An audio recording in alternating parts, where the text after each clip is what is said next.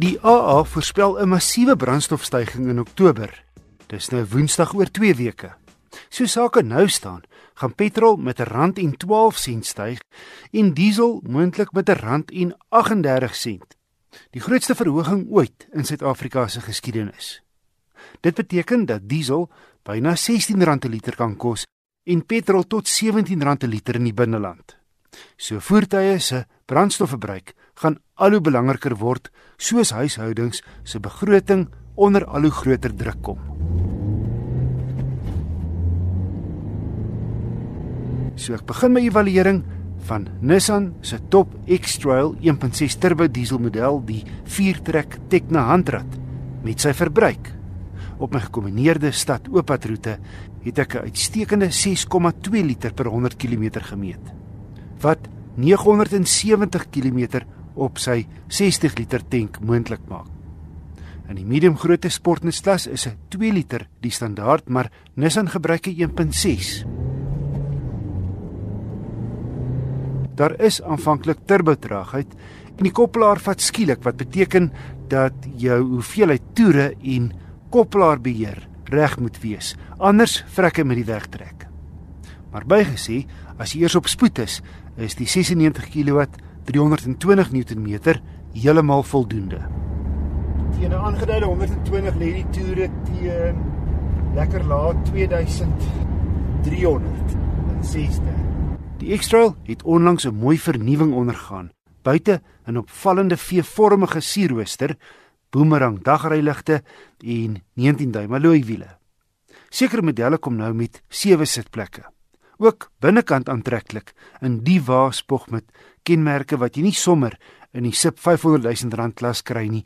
Goed soos waarskuwings vir jou blindekol, laanverandering, verkeer agter jou wanneer jy agteruitry of gaan bots en hy sal self rem in 'n noodgeval.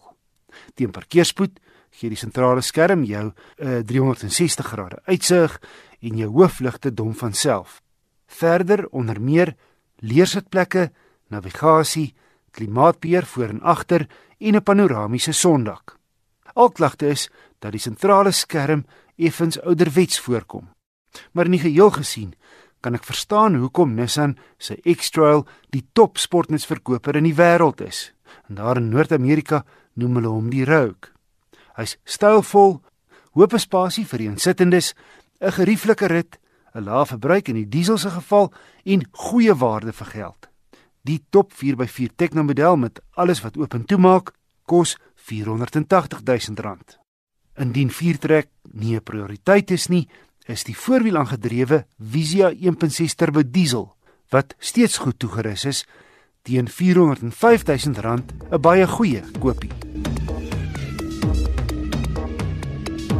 'n Luisteraar, Anne Marie van Kuilsrivier, het 'n navraag oor die snelrad. Wat is die doel daarvan? Of watter voordeel gee dit 'n mens? Het dit maar dieselfde effek as 'n 5de of 6de rad? Met ander woorde is dit iets vir die langpad en help glad nie vir stadsryery nie. Kom nuwe motors nog voor met 'n snelrad, vra sy. Ek het gaan aanklop by Nicolou, die tegniese redakteur van die tydskrif Car. Ja, wieso ek dink ons moet eers net 'n bietjie kyk na die agtergrond van 'n snelrad. Die Engelse term daarvoor is natuurlik overdrive. En as 'n mens kyk na 'n radkas, dan het jy natuurlik die inset as wat van die enjin afkom en dan het jy die radkas en dan het jy die uitset as waar die drywing dan aangestuur word na die ewenaar en dan na die wiele toe. So as mens dink aan radverhoudings, byvoorbeeld jou eerste rad is gewoonlik so 3 tot 1 en wat dit beteken dan is dat jou enjin en ook die inset as 3 omwentelinge sal maak vir net een omwenteling van die uitset as.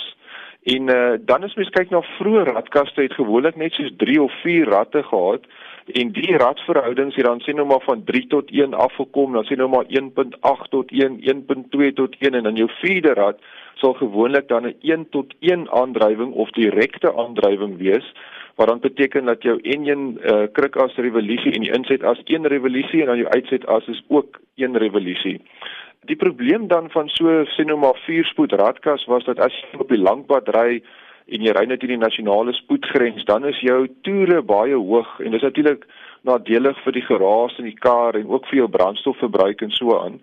En wat die vervaardigers toe dan nou gedink het is kom ons sit nog 'n ekstra klein radkassie aan die einde van hierdie vierspoed radkas en ons noem dit dan 'n overdrive of 'n snelrad wat basies net 'n ekstra rad is, sê nou maar jy kan dit amper sien as 'n vyfde rad wat dan die verhouding gaan dan wees dat 'n enjin nie heeltemal een revolusie um, maak en die inset as vir jou uitset as wat dan een revolusie maak sê maar byvoorbeeld 0.8 tot 1 wat dan beteken dat jou enjin se toere gaan bietjie val uh, jy gaan beter brandstofverbruik kry op die lang pad en gaan nie so baie raas in die kajuit nie. En dis dan wat beteken overdrive.